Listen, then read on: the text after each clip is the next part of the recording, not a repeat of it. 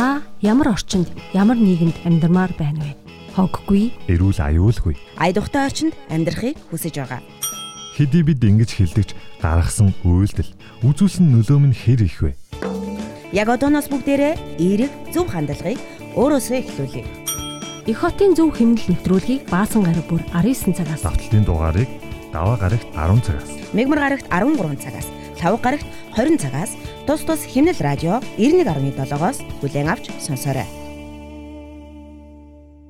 Сайн байцгаана эрхэм хүнд сонсогчдоо. Их хотын зөв химнэл нэвтрүүлгийн ээлж дугаар эхлэх гэж байна. Манай өнөөдрийн нэвтрүүлгийн зочин хойморт бид Монгол улсын эрүүлэг хамгаалахын гавьяат ажилтан гал холомт үндэсний хөдөлгөөний тэргүүн мөнхөө гоогоо урьж ирүүлээд байна. Бидний байна та сайхан урьж байна уу? Бидний урилгыг хүлээж авч ирсэн танд маш их баярлалаа. За ингээд өнөөдрийн бидний ярих сэдэв бол гэр бүл. Гэр бүлийн асуудлын эргэн тойрон бид нэр хөндөж ярих болно. Тэгэхээр хоцорон газар ажиллаж амьдарч байгаа хүн бүрийн хийсэн үйлдэл сайнаарч сараарч бие биендээ нөлөөлж идэг. Ийм учраас эргэн хувь хүн өрх гэр бүл албан байгууллага хамт олон бүхэн энгийн боловч анхаарах олон асуудлыг хөвшил хэв маяг амьдралын дэг жаяг болгосноор хотын бургилсан амьдралын химнэлийг илүү зөв стрессгүй тайван болгож оруулдаг билээ. Ийм учраас бид их хотын зөв химнэл нэвтрүүлгээ хөндөн ярилцдаг юм аа. За ингээд э, гэр бүлийн одоо эргэн тойронд ярих асуудлаа ярилцж эхлэе. Тэгэхээр ер нь одоо миний ойлгож байгаагаар бид ер нь л бүлгээр л одоо амьдарч оршдог. Ганц хүн гал болдгоо, ганц мод, юу лээ ганц хүн айл болдгоо, ганц мод гал болдгоо гэдэг. Тэрнтэй адилхан өрх гэр бүл. За ингээд засаг захиргааны нэгсээр харахаар л одоо хэсэг, баг, хороо одоо тэгэл э, хот аймаг тэ ингээд улс төв дэлхий гэдэг. Тэрний цаана бол дандаа л нэг ийм хамтарсан, бүлэглсэн ингээд ийм одоо тийм нэгжүүд яваад. Энийний хамгийн жижиг хэсэг буюу одоо хүн өөрөө төлөвшөөд бий болоод өсөж хөгжөөд амьдралынхаа насан туршийн хүмүүжлээ авдаг орчин бол гэр бүл юм аа. Тэ. Тийм учраас энэ гэр бүл гэдэг асуудал үнэхээр маш чухал бөгөөд маш том асуудал. Өнөөдрийн одоо сэдвэрээ бид нэр гэр бүл болно гэдэг бол өөрөө зүгээр л нэг хүмүүс хайр дурлал сэтгэл санааны хэрэгцээн дээр тулгуурлаад ирээдүйн хариуцлагагүй үйлдэл хийдэг тийм одоо нэгж биш юм аа гэдэг асуудлыг бас энэ залуучууд энэ олон түмэндээ бас хандаж энэ талаар бид нэр энэ мөнхөг бахан яриаг бас сонсъё гэж ингэж бодож байгаа. Ингээд гэр бүлийн хүмүүжил бие хүнээс одоо бие хүний хүмүүжил болоод гэр бүлээс эхэлдэг гэдэг талаар та эхлээд бидэнд бас нэг товч ярьж эхлэх үү. Тэгээс одоо эхлээд гэр бүл гэдэг том асуудал хөндмөр санагдаж байна л да. Та нар маш чухал асуудал хөндөж байгаа юм байна. Яагаад тэгэхээр ерөөсөн аливаа улс үндэсний оршин тогтнох бичил орчин бол тэр үндэсний гэр бүл. Тэнд бид ямар хэмжээгээр төлөвшүүлж тэр үндэсний соёл улам дэвшил соёл уламжлалыг хэрхэн өвлүүлж Тэр иргэнийг хэрхэн төлөвшүүлснээс тухайн орны тусгаар тогтнож хөгжил цэцгэлд тэр хүн ардын хамгаалан тайван амьдрал шууд одоо шалтгаалдаг. Зарим хүмүүс яг гэр бүлийн ховийн асуудал гэж. Аа. Ингэж одоо авч үздэг. Тэр бол ховийн асуудал огт биш. Яг зөв. Ягаад тэгэхээр гэр бүл гэдэг нь бол жижиг төр гэж ингэж ярьдаг. Гадаад харилцаатай, дотоод харилцаатай биологийн одоо хүн амын өсөлт сангийн тий бүх юмтай байж байгаа байхгүй. На хэрвээ гэр бүлд ямар нэгэн асуудал өөрчлөгдөхөөр төр улсад тэр нь нөлөөлдөг. А төр улсын ямар нэгэн одоо бодлого юу хэр буруу явбал тэр нь гэр бүлд нөлөөлдөг. Одоо бид гэр бүлийн хувийн асуудал гэдэг их буруу хандлагатай байдаг байхгүй. Энэ улс оршин тогтнож хөгжин цэцгэлэх хэсэг нь гэр бүлээ бид хэрхэн төлөвшүүлж Монгол хүнээ хэрхэн Монгол дархлаатай Монгол бахархалтай хүн болгож чадав. А гэр бүлийн амьдрах тэр соёлыг хэрхэн эзэмшүүлэх гэдгээс л бүх юм шалтгаалдаг. Энийг бол хүн төрлөختний түүхэн одоо соёл чинийг баталсан. Өөрөөр одоо бас 5000 жилийн өмнө моногам гэр бүл байсан гэдэг эрдэмтэд гаргаад ирсэн байна. Тэрний үхээр нэг эхнэртэй, нэг нөхөртэй тийм гэр бүл байжээ гэдэг. Энэ нь эргээд тэр улс үндэсний суурь оршин тогтнох, соёл нь уламжлагдах том суур болж идэг. Ер нь гэрвэл улс орны эдийн засаг бүх юмд шууд нөлөөлж идэг тийм нийгмийн том суур шүү дээ. Хондоо хоёр хүн гэртээ муудалцаад нэг нэг алгадчихвал цагдаа дуудана. Тэр салаад явчихвал хүүхэд нь эцэг ихгүй гэдэг юм өнцөрл нөгөө эцгийн хайрын дунд хүмүүжиж чадахгүй байдаг юм. Тийм учраас хөдөлчний соёл эцэггүй хүүгийн толгой том ихгүй охины бөкс гэдүүн гэдэг. Нөгөө гэрвэл эцэг эцгийн харцсан дор эхийн хайр халамжинд Монгол хүн төлөвшөх ёстой гэсэн нүүдэлчний соёлын маш том одоо сургаал байж байгаа байхгүй. Тийм учраас та нар гэрүүлийн энэ асуудлыг хөндөж ингээд тавьж байгаа чинь зөв. А би бол гэр бүлийн асуудлаар ажилладаг төрийн бус байгууллага байгуулад 23 жил ажиллаж байгаа хүн л дээ. Зүгээр өөрийгөө сурталчилчаад за бид бол гурван үндсэн зорилго тавьж ажилладаг байна. Хөдөлгөөн, галгуулам үндэсний хөдөлгөөн гэж. 40 гаруй одоо Монголын нэртэй том эрдэмтэн эмэгтэйчүүд санаачилсан одоо 11 аймаг салгууртаа тийм сая бид ард түмэндээ зурвалж Монгол гэр бүлийн ширээний ном гэж 42 хэвлэлийн хуудас номыг 2 жил 40 гаруй хүн ажиллаж иж гаргад тавилаа. Бидний эрхэм зорилго ерөөсөө нэгдүгээр Монгол хүний гэр бүлийн боловсрал дэвшлүүлье. Энд хувь нэмрэн оруулъя. Хоёрдугаарт Монгол төр гэр бүлийн асуудал хариуцсан мэрэгсэн үндэсний тогтолцоотой байх ёстой. Энийг төр засагтан ойлгуулъя. За гуравдугаарт бид Монгол гэр бүлийн дэмжих түүнд үйлчлэх төрийн бодтой үйлчилгээ бий болох ёстой гэж. Өөрөөр хэл өнөөдөр эрдэмтийн судалснаар Монголд бол нэг 10 орчим хэв шинжийн гэр бүл байна гэж байгаа байхгүй. Тэгэхээр тэр 10 орчим хэв шинжийн гэр бүлд Монгол төрийн үйлчилгээ. Өөрөөр хэл багийн нийгмийн ажилтан, хорооны нийгмийн ажилтан тэнд ямар зөвлөгөө өгөх вэ? Яаж ажиллах вэ? Ямар төрийн үйлчилгээ үзүүлэх вэ гэдэг чинь эргээд асуудал байна. Ийм л гурван асуудал дээр бид одоо төвлөрч ажилладаг. Аа тэр хоёр ч удаа онл практикийн том хурал хийсэн. Нэг удаа 2004 онд үндэсний хэмжээний том судалгаа хийсэн. Тэгээ хамгийн сүүлд энэ боловсрал дэвшлүүлэх ном гэж яг гоо гэр бүлийн хуулийн дээр бид бас ажлын хэсэгт нар тодорхой ажил санал онлоо тавьж л байгаа л да. Тэгэхээр энд зөвхөн төр улсыг харж суух биш. Монгол хүн өвгдийн яс өндөлзүүлэхгүй амьдардаг гүн ухаантай ард түмэн бит. Тэр өвгдийн яс өндөлзүүлэхгүй амьдрахын тулд өр хүүхдээ бид удам судар өөрийнхөө дэвшилт уламжлалаа нь өртөөлж явах Монгол хүн болгоод төлөвшүүлэх ёстой. Одоо бидэнд энд бол тодорхой гажууд л өсчихэд байна л. Одоо бараг л Америкт явчихад гадаадд нэг сургууль сурчхаар бараг л хүн болцсон юм шиг. Хэдэн сургуулийн дипломтой хаан магистр хамгаалсан юм гэж. Яг нарын ярвал дэлхий боловсрал гэдэг чинь асар том бизнес болцсон зүйл шүү дээ. Яг нарын ярвал. Тэгэхээр эхлээд бид Монгол хүнээ төлөвшүүлж энэ гэрвэл бэхжүүлж, батжуулж, боловсрал олгож энэ эзэн Чингис гэж хээжийн дэлдээд байгаа энэ галгууламтыг 21-р зуунд өртөөлж явах тэр хүмүүсээ өсгөж өндөлөх нь өнөө үеийн та бидний хамгийн чухал эрхэм зорилго юм аа гэдгийг эхний удаа би тэмдэглэж хэлье л гэж бодож байна шүү дээ. Маш чухал. Тасаа яриандаа хэллээ тэр Монгол гэр бүлийн ширээний ном гэдэг. Тэгэхээр гэр бүлийн боловсрал гэдэг бол одоо зөвхөн танхимд сурах за мөн одоо төрийн үйлчлэгийг авах нас гадна тэр одоо ном гэдэг бол өөрөө бас аюу тум өөрөө өөрсдийгөө боловсруулах өөрөө өөртөө суралцах их сайхан тийм их усэр бий болсон юм байна гэж надад санагдлаа л да тий. Тэгэхээр энэ номыг одоо олон нийтэд хүртээх одоо ямар арга хэмжээ авч байгаа юм бол Үгүй яг одоо бид өөрийнхөө хэмжээгээр сурталчлаад манайх 11 аймгийн одоо тэр салбар байгууллагын тэр маш олон хүн захиалж аваад бид үндсэндээ 2000 бараг 3000 шахах хүмүүсийн гар дээр очиулаад байна л да. Тий. Хүмүүс бол маш их сонирхож байгаа. Ер нь энэ чиглэлээр нөх юм харьцангуй бас их биш юм байна. Голдуу эрдэмтэн судалгааны болон янз бүрийн тийм байдаг юм. Яг тэрэн дээр уханда бэр гойдаг заншил гээл ихэд чинь дөрөвдүүд яадгийн халахчууд яадгийн урангаханууд яадгийн бүрээдууд яадгийн гэд бид тэрийг оруулж ирсэн шин. А удмын одоо тэр юу хөтлөх угийн бичиг хөтлөх соёл гээл. Энийг чинь яаж хөтэлдэг гээл. За тэгэл зочин яаж хүлээж авах уу яаж ямар бэлэг өгөө сайн байдیں۔ Тийм ээ. А эхнэр нөхрийн харилцаа гэж юу юм? Ахмад насантайгаа яаж харьцах юм? Тэ. Тэгээд Монгол гэрээ хүртэл яаж барих вэ яах вэ гэдгээс эхлээл тэр бүх юмыг оруулсан. Тэгээд гэрийн төсөв гэж юу байдیں۔ Яаж одоо орлогоо зөв хуваарлах вэ? Тэгээ манайхан чинь Хонда герман хүн олохтой биш хэмнэхтэй гээд. Хятад хүн олохтой биш хоримтлын өсгөлтэй гээд. Энэ соёлыг хүртэл монголчууд ч нэх мундаг бас барьж явсан ийм арга юм шүү дээ.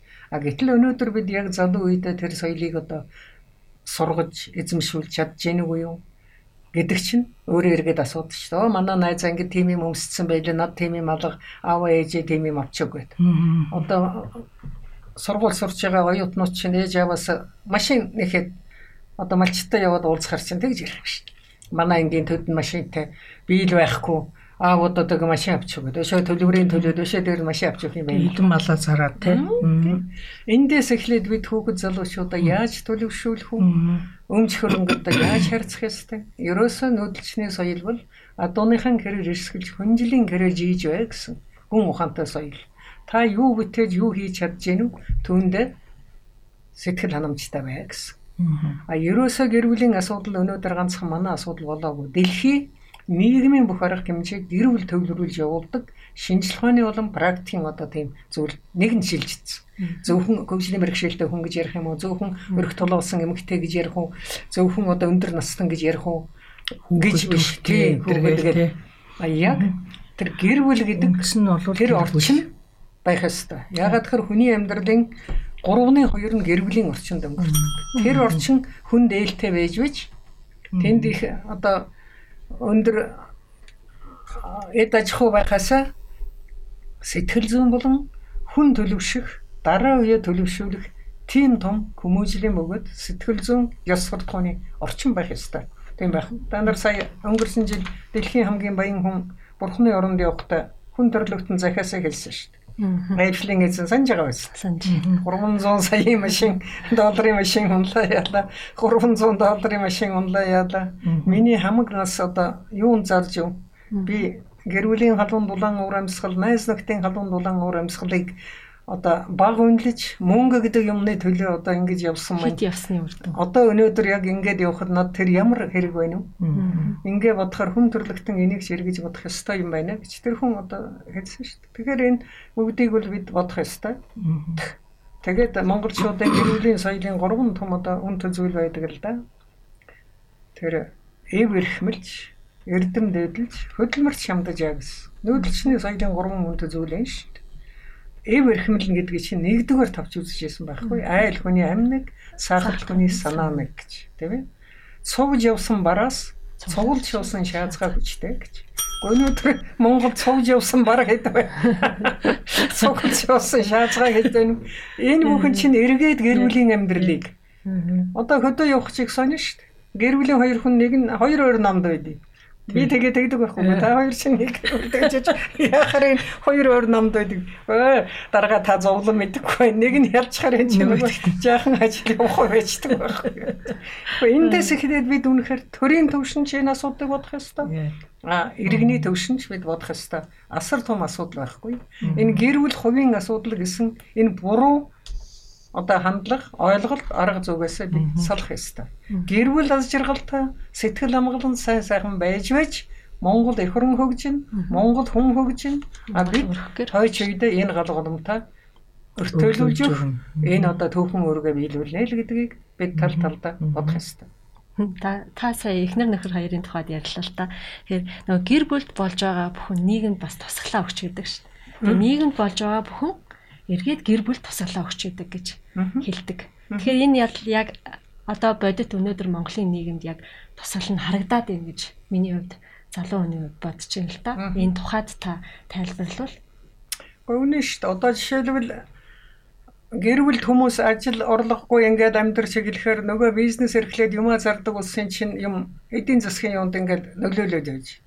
А тэд нэр бүх юмдад хоорондоо муудалцаад одоо янз бүрийн болохоор нөгөө цэрэг цагдаа хүчний байгууллага гээд за тэгээ дараа нь гэр бүл салахаар юу болох вэ гээд өнөөдөр шүүхийн тогтоол гараад хүүхдийн тэтгэмж төлөхөөр үүрэг хүлээсэн хүмүүсийн 62% хүүхдийн тэтгэмжийг төлөхгүй шүү дээ манай хөдөлгөөн сүүлийн 15 жил нэг бол одоо төрийн сан байгуулаач нэг бол эмгтээчүүдийн банк байгуулаач гэдэг олон улсын туршлагыг бид тавьж гэр бүлийн хуулийн хүртлийн талаар нэлээд санал одоо бид тавьсан.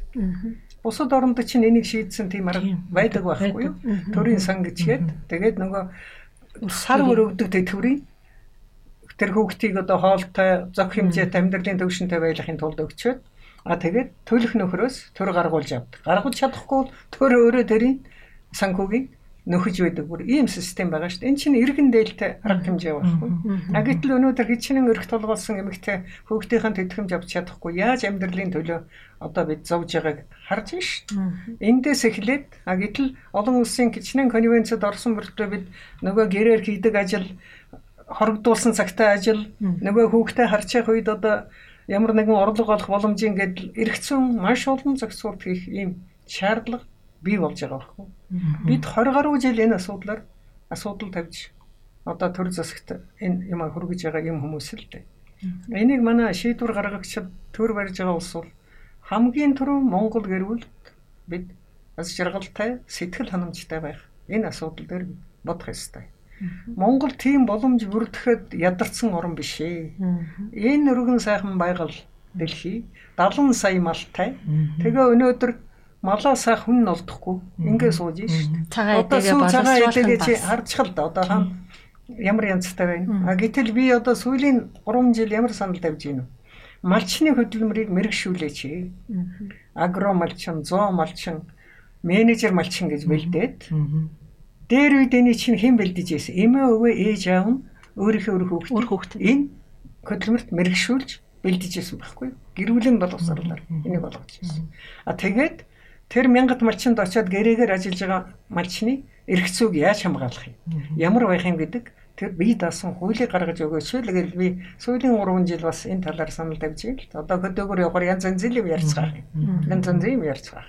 А гэтэл бид ажлын байр байхгүй байна. Заавал гадагшаа явна гэнэ. Малчны холбооны хүн хэлж ийлээ шүү дээ. Мал өгье, гэр өгье, салин өгье. Тэгээд малчин ирж хийгээч хэр хүн олдохгүй байна. Ажил хийх хүн олдохгүй байна. Эндээс эхлээд бид бол ядарсан ард түмэн биш ээ. Бид энэ боловсролыг, энэ хандлагыг, энэ Монгол орны онцлогийг өнөөдөр 21 дугаар зуунд яаж авч явах вэ гэдэг хөгжлийн бодлого маш сайн тодорхойлох л асуудал. А тэнд чиглэх л асуудал. Яг нь сая их хурлаар ярьж байгаа шиг энэ алсын хараа 2050 гэдэг. Энэ дотор харин тодорхой хэмжээгээр туссан байлээ. Би ерөнхий сайдын орон тооноос зөвлөх гэдэг үүрэгтэй байдаг. Хүний хувьд энийг уншиж санал ондоо өсөлдөө. А ер нь бол суур тавигдж юм лээ цаашдаа боловсронгуй уулах сайжруулах юм бол зөндөл байгаа байх л да. Энэ эргээд гэр бүлийн амьдрал Монгол хүний амьдрал асар том одоо өр нөлөө өгнө гэж би найдаж байна. Ер нь монголчууд чинь бодлогын тодорхойлж ирсэн арга том ш. Тэ 24 онд үндсэн хууль бүгд найрамд тулцтай болно. 40 онд хөрөнгөний ус хөгжлийн замаар явна гэл. 60 онд социализмын материал техникийн бааз байгуулна Одоо бид чинь 90 онд би чинь үндсэн хувьд бодлсон хүний нэг л дээ 9 эмэгтэй нэг.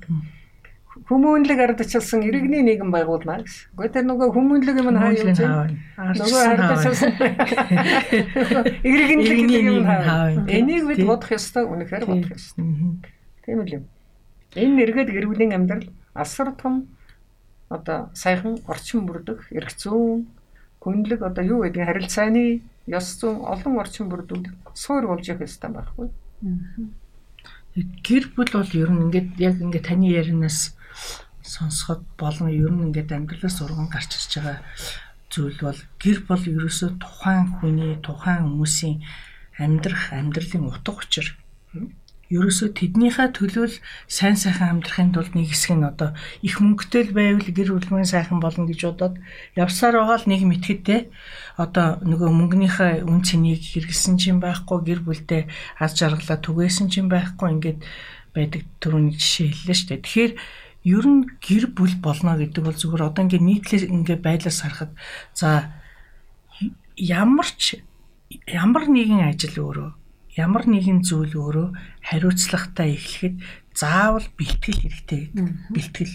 Тэгэхээр бие нүслөө том боллоо. Ээж аваахаа одоо хайр ивэлд өсөөд өрх гэр тусгаарлах боллоо. Нас нь боллоо одоо. За тэгээд тэр хүн тэгвэл бие нь өсөөд идэг. Тэр хүн өөрөө гэр бүлийн өрхийн одоо нэг гишүүн болно гэдгийг эмгтэй талаасаач, эрэгтэй талаасаач өөрсдийгөө бэлдсэн нэг өөрсдийгөө тий. За ингээ харж ах за боловсралтай болчин тэгвэл би одоо яа чин санхүүгийн жаахан боломжтой болчвол ин чин гэл тэгээ ерөөсөө нөгөө хамгийн гол нь би энийг ингэж боддог байхгүй юу? Харилцаа хандлагын асуудал. Өөрөөр ирээдүйд би ихнэр авж байгаа хүн эхнэрийнхээ сайн болон саар бүх юмыг хүлээн зөвшөөрч тэр хүнийгээ одоо болон үр хүүхдээ сайн сайхан амьдрахад л тэр хүн өөрийгөө ямар нэг байдлаар сэтгэл санааны хувьд бэлтгэх нэг. Хоёрдугаар нөгөө хүнээ бас өөртөөгөө одоо цуг амьдрах тэр замл руу бэлтгэх тэр одоо юунд нөгөө суралцсан байх хэвээр урьдчилаад мэдээч хэрэг зөндөө зөрчил гарна зөндөө асуудал гарна те энэ бүхнийг яаж одоо нөгөө хүн чинь менеж болох вэ гэдэг юм уу тэгэхээр миний зүгээр энд тодорхой ингээ хэлэхэд бол гэр бүл болоход заавал бэлтгэл хэрэгтэй. Тийм үү? Бэлтгэл.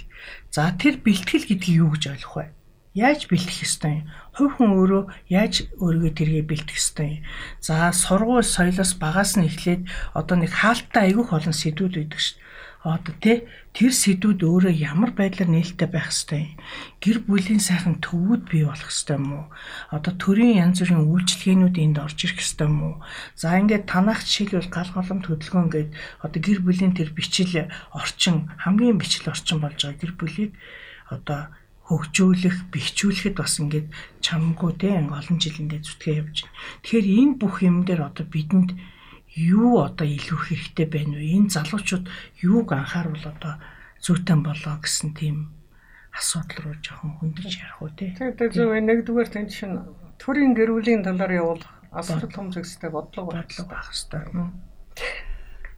Энэ бодлогоос гадна Монгол хүнд гэрүүлийн боловсрал олгох бүхэлд тогтолцоо байх хэрэгтэй. Зөв. Өөрөөр хэлбэл ерөнхий боловсролын сургууль тэр гэрүүлийн хичээл орж юм шүү дээ манайхан одоо тэр бид энэ гэрүүлийн хуулийн тэр асуудлыг оруулж байгаа. Тэр бол би хуулиар батлагдана байх гэж найдаж байна. Ерөөсөө одоо улс орнуудад тэр чинь сургуулийн хичээлд орсон байдаг. Би түрүүн хүнд хэлжсэн. Эрүүл мэндийн хичээл. Венгерт би бүр эвлийн ажилтан байгаад очиход 6 дугаар ангийн хүүхдүүд гэрүүлийн хичээл орцсон. Дадлах хийж байгаа байхгүй. Тэгсэн эрэгтэй хүүхдүүд хүүхэд өлгийд байна. Эмэгтэй хүүхдүүд газ түг зангид. Тэр чинь нөхрийнхээ газ түгд одоо зангиж чаддаг эхнэр хэр олон байгаа юм. Хүүхдэн үлгэд зөв үлгэждэг аав өнөдөр хэд олон юм. Эндээс эхлээд тэр гэрүүлийн боловсрал гэдэг юм. Энэ чинь ганц өнөөдөр ярьж байгаа юм биш. Оросын агуу сургууль хүмүүжүүлэгчийн хэлсэн үг байдаг юм. Хүн бүр математикч юм уу? Физикч болох албагүй. Харин хүн бүр эцэг өгөөд их болно. Улс үндэстэн энэ эцэг ихэн тэр баг наснаас нь эхэлж бэлдэх ёстой маа гэж. А энэ дотор эцэг их гэрүүл өөрөө асар том хариуцлага хүлээж байдаг үнэн л дээ. Тийм учраас манай хөдөлгөөний нийгэм бол энэ гэрүүлийн боловсрал гэдэг юмд бид маш их гэдэг. Тэр хувь хүний асуудал бишээ. Монгол тусгаар тогтнож, хөгжин цэцгэлж, хүн ардан сэтгэл ханамжтай сайхан байх энэ үндэс бол Монгол хүмүүр гэрүүлийн боловсралтай болж аз жаргалтай гэр бүлийг бий болгох асуудал Монголын бүх асуудлыг шийдэх. Үндэсээ л гэж бидний одоо эрхэм идеал бол энэ л дээ. Энэ дээр тэр төрийн бодлогын асуудал, хууль эрх зүйн асуудал, гэр бүл дүүчлэх төрийн үйлчилгээний асуудал, өшөө гэр бүл зөвлөгөө өгөх төвүүд ажиллаж явах хэрэгтэй. Ерөөсөө одоо тэр герман энэ төр орнууд ч тийм байдаг шүү дээ. Асуудал гарвал очиод нөхөртөөгөө муудалцах юм бол гүйж очиод тэр байранд очдог байхгүй юу. Тэгээд уурн гарсны дараа нөхөр хойноос нь ирээд уучлалт байгаа. За хууль зүйн зөвлөгөө авах юм уу? Сэтгэл зүйчийн зөвлөгөө авах юм уу? Аль юу хэрэгтэй юм гээд тэр зөвлөгөөний нөгөөд тэгээ хоёулангийн гарын барь үлээдэг гэдэг юм. А бид өнөөдөр яг тийм зөвлөгөө өгдөг төв бид энийг бас сүүлийн олон арван жил ярьж байна. Харин одоо гэр бүлийн боловсралд олон нийтийн телевиз бие даасан сувгтай болох тухай асуудал шийдэгдсэн. Бидний 20 жил ярьсан нэг асуудал тийм.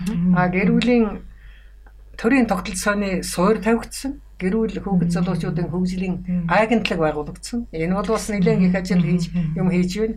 Өөрөөр хэлбэл нэг үеийг бодоход гэрүүл гэдэг асуудал Монголын бүхний юм тодорхой байр эзлэх явдал нэмэгдэж байгаа. Энд дээр бид бол сэтгэл ханамжтай байгаа. Энэ бол төрийн бодлого нэг том асуудал. Би түрүү хэлсэн. Аливаа нийгмийн арга хэмжээ гэр бүл төвлөрүүлж явуулдаг шинжлэх ухааны болон практикийн юу одоо дэлхийд даяар хүлээн зөвшөөрөгдсөн. Ерөөсө хамгийн аз жаргалтай ард түмэн хэмбэ гэдэг Америкийн эрдэмтэн судлаад байгаад нь сэтгэл ханамжтай байгаа хүн бол хамгийн аз жаргалтай хүн гинэ.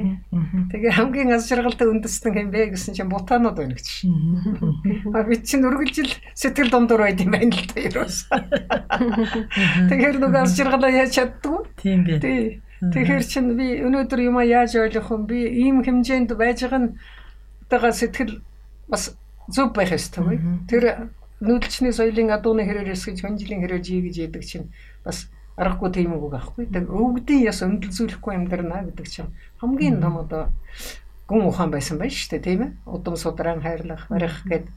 А гэтэл бид өнөөдөр нүүдэлчний соёлын тэр мянга 100 100 мянга мянган жилийн амьдралын туршилгаар батлагдаад гараад ирсэн тэр юм а зарим хүн хоцрогдол гэдэг юм. Зарим хүн одоо шинжилхэн өөр болсон гэдэг юм. Маш буруу хандлагатай хандж байгаа байхгүй. Тэр адууны хэрэг эсгэж хөндлөн хэрэг жий гэдэг чинь хамгийн зөв гүн ухаан философи байгаа байхгүй. Та юу ямар ур чадвар байж юм шиг юу бүтээж юу хийж чадж гэнэ тэрэндээ сэтгэл ханамжтай бай гэж.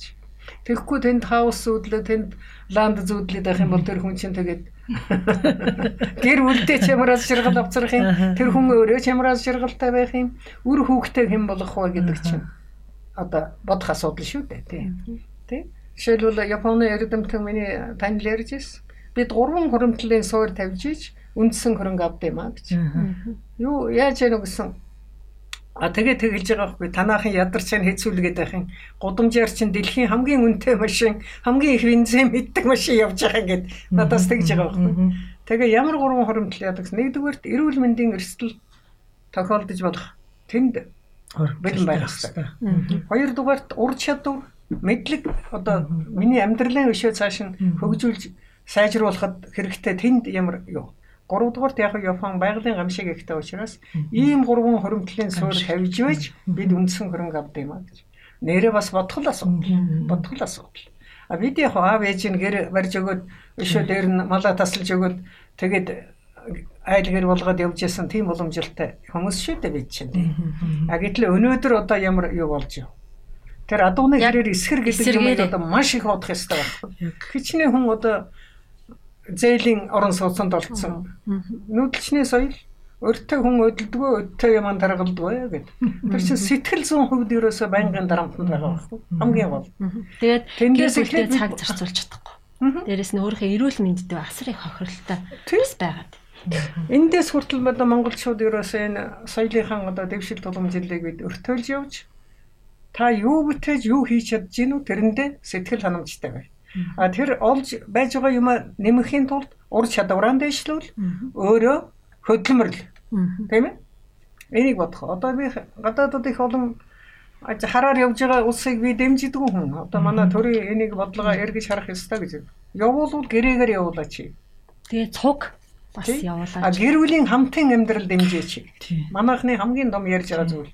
Одоо та нар харж байгаа ш 4 сард зам барь цахилгаан шугам тат гэж хөөж гаргаад 10 сар хүртэл явж шít. Бүтэн 6 сар өрийнхөө дуу сонсоогүй ханийхан халамжинд нялхраагүй хүн юу хийж юу бодож явах юм. Дахиад гэр бүлийн хамтын амьдрал дэмжээгүйгээс болоод тэр гэр бүлд үл ойлголцол янз бүрийн одоо нийгмийн үзэгдэл гарах хөрс суурийг бий болгож байгаа юм. Тэр хүмүүсийг авч явж байгаа компани сард нэг удаа юм уу 45 хоногт нэг удаа эхнэр хүүхдийн нэг автобусаар аваачаад нэг хэдэн гэр барьчихад нэг 3 хоног сайхан хань ижилтэй намраачхад тэгээд буцаачхад болж байгаа байхгүй.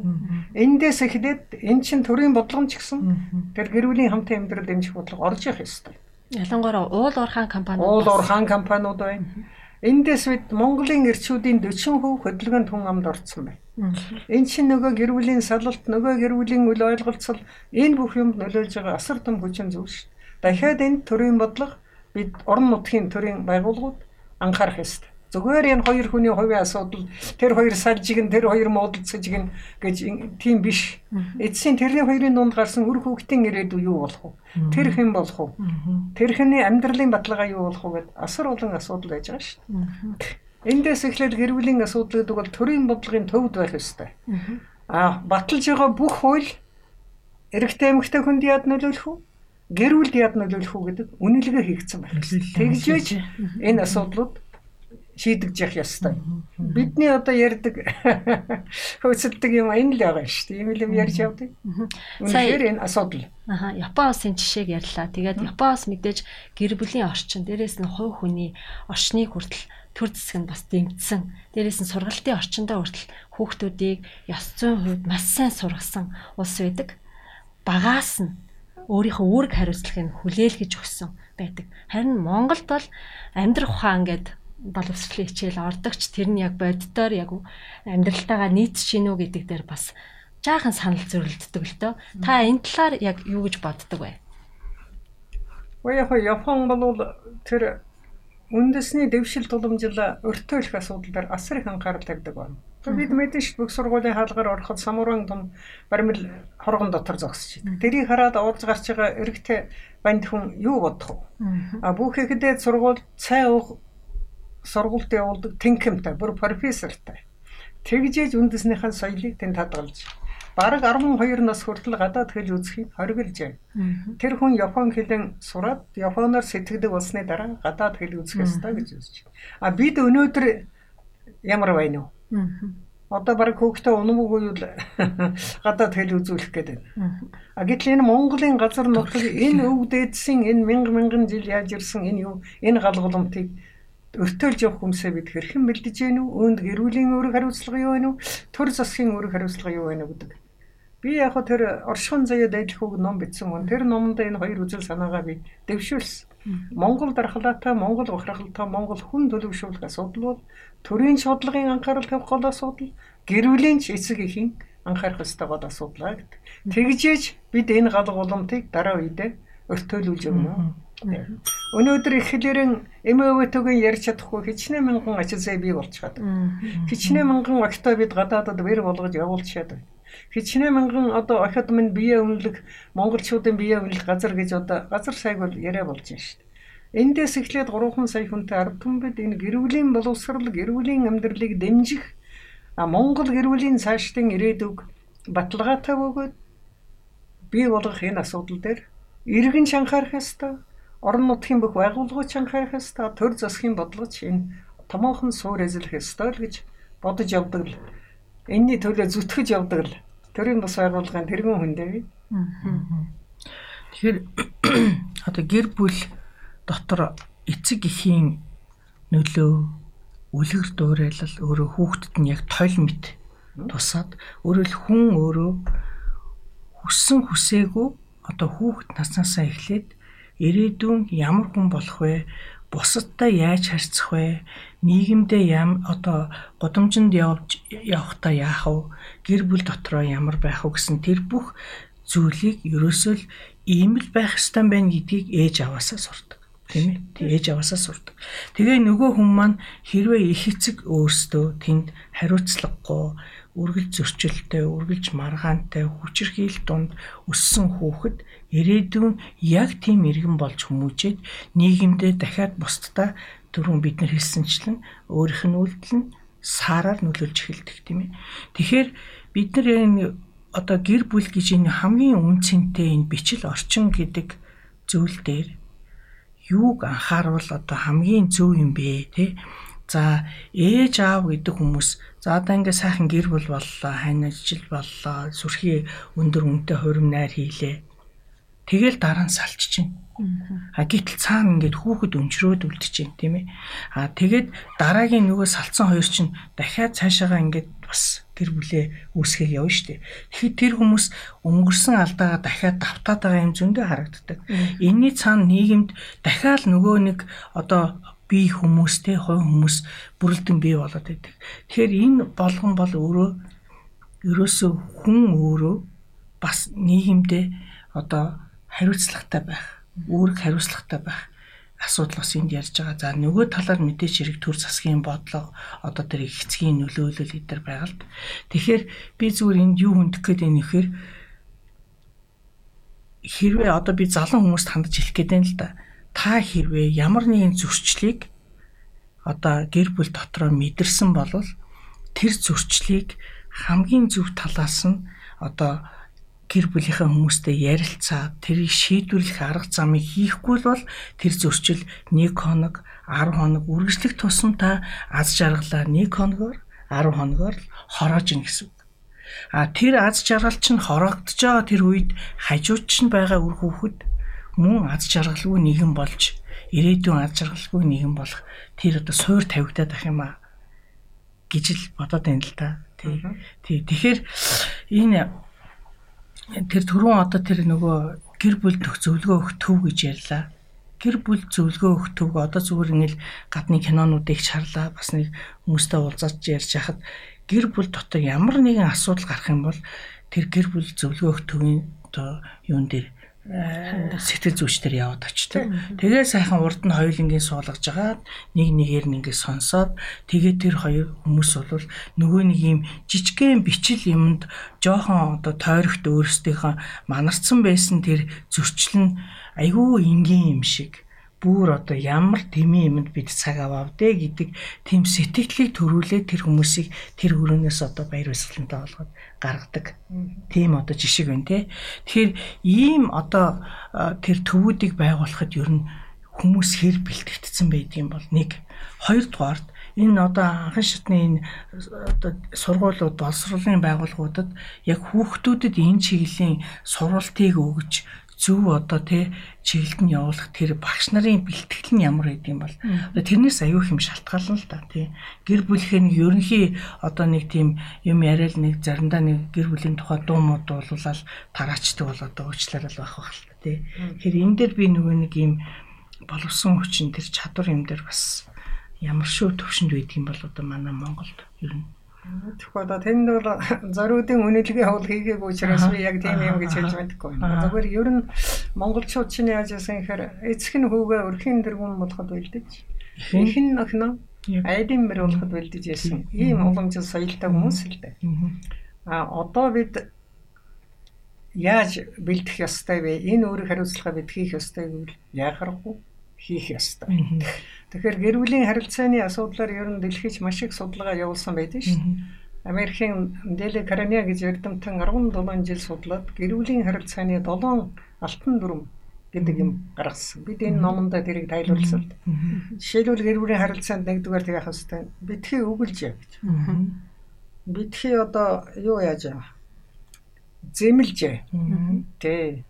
Дахин хүмүүжүүлэх гэж битгий оролд сайн талаас нь ханиа байнга магтаж бай. Сайн талыг. Аа тав дугаарт нь үнэн сэтгэлээсээ хайрлж халамжилж бай. Энэ ганцхан эмэгтэй хүн зориулсан биш. Эрэгтэй улс адилхан зориулсан байхгүй. Аа тэгээд ухаанда бэлгийн амьдралын тухай мэдлэгээ дэвшлүүлээ. Ингээд яхад тэр хүн энэ бүгдийг бүр судлаад энэ гэр бүлийн харилцаанд яадаг. Одоо гол баримтлах ёстой гэдэг. Гэр бүлийн харилцаанд яадаг нэг юм тэр хэдэн тэр дахин хүмүүжүүл өөрийнхөө хүмүүжлэр нөхрөө байлгад юм авгаагаан байлгах гэж шармайдаг ч юм уу. Тийм ээ? Тэр янз бүрийн одоо тэгэл юм дандаа дутагдлыг олж хардаг ч юм уу. Аа тэгээ өөрийнх нь тэр бүх юмар ханиага байлгах гэдэг ч юм уу. Энэ юм гэр бүлийн харилцаанд үл ойлголцол нөгөө юм болоодаг нэг том учир шалтгаан байдаг. За энтхийн гүн ухаантан хүний дэлхийн гэр бүлийн харилцааны алтан дүрм гэж байдаг. Тэрний үхэр цугж уурлж цугтаа инээж гэсэн дүрм байт. Аа. Яста гоё. Гондог байхс. Тийм бэ. Ерөөсөө хэрэг ханчин одоо цухалтаад ирэх юм бол зүгээр л сайхан тайвшираад ингээ сууж яа гэж байгаа байхгүй. Нөгөө реакцэн дууссаны дараа найзад ийм шүү дээ. Жил ийм байхгүй юу гэдэг ингээ ярих хэвээр болохоос биш. А хуйуулаа ингээ гадаасчих юм бол тэгээд ерөөс. За Монголын гэр бүлийн харилцаанд сөрөг нөлөөлж байгаа хамгийн том хүчин зүйл бол архитектурын асуудал. Монголын эрчүүдийн 52% байнга эрх хэрэглэж 20 орчим хөв архин донд хөвчтэй болсон. Монголд 17 сфертийн үйлдвэр 150-аад архины үйлдвэр ажиллаж байна. 3 сая хүнтэй орно. Тэгээ боддоо та нар Ийм байхад одоо эмэгтэйчүүд архиулаа мөнхөөгөө юун тэр ирчүүд таны хүүхнүүд чинь архиугаад шиг. Лекс мэгч онсороод болсон тэгдэг болсон. Тэгээ чи ягаад архинд орчих гэсэн. Нөхрөө багуулах гэж хувааж усаар байгаа би архинд дуртай болчлаа. Архичээ гэж байгаа байхгүй. Эндээс эхлээд бид хамгийн том анхаарал тавих ёстой бодлого энэ байхгүй. Архины бизнесийг ингэ дэмжиж байгаа нь зөв юм уу? Энийг соёлтой болгох ёстой. Жишээлбэл олон хөгжсөн оронд айл амьдарч байгаа газар шөнийн цэнгэний газар ажилуулдаг хуультай байна.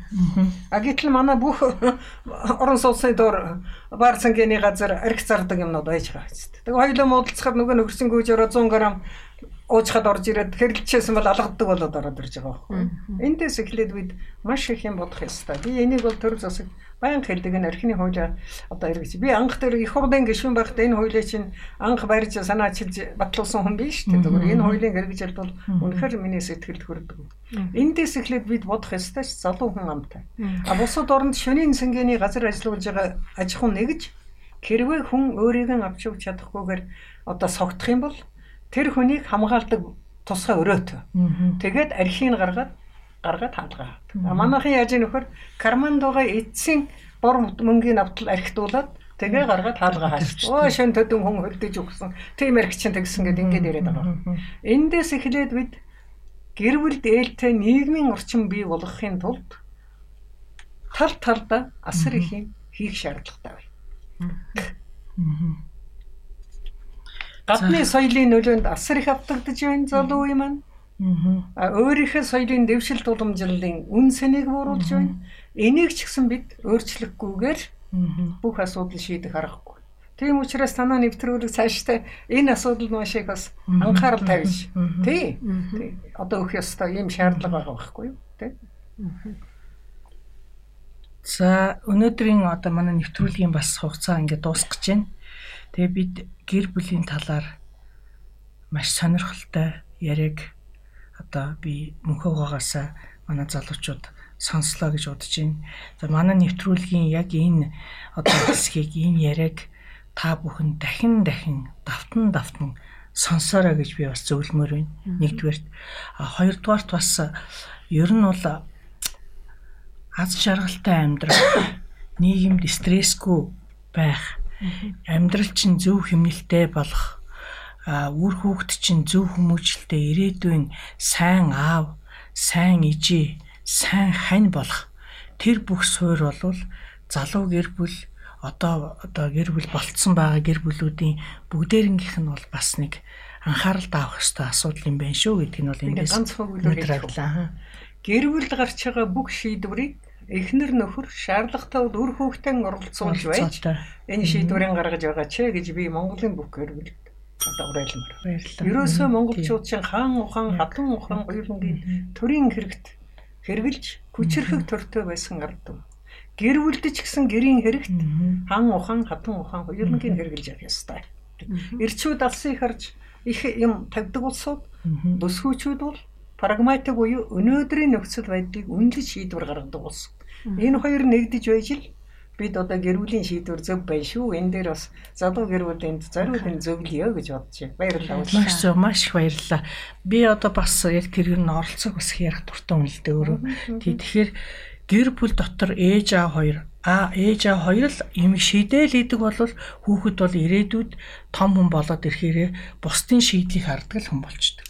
А болсон ч гэсэн эхнэрийнхээ одоо тий одоо шийдлийг хараад эхнэрийнхээ хөтлөгдсөн а болчих болзошгүй байдаг учраас хүүхэд байхаас нэгсүүлээд өөрийнх нь санаа бодлыг сонсдог.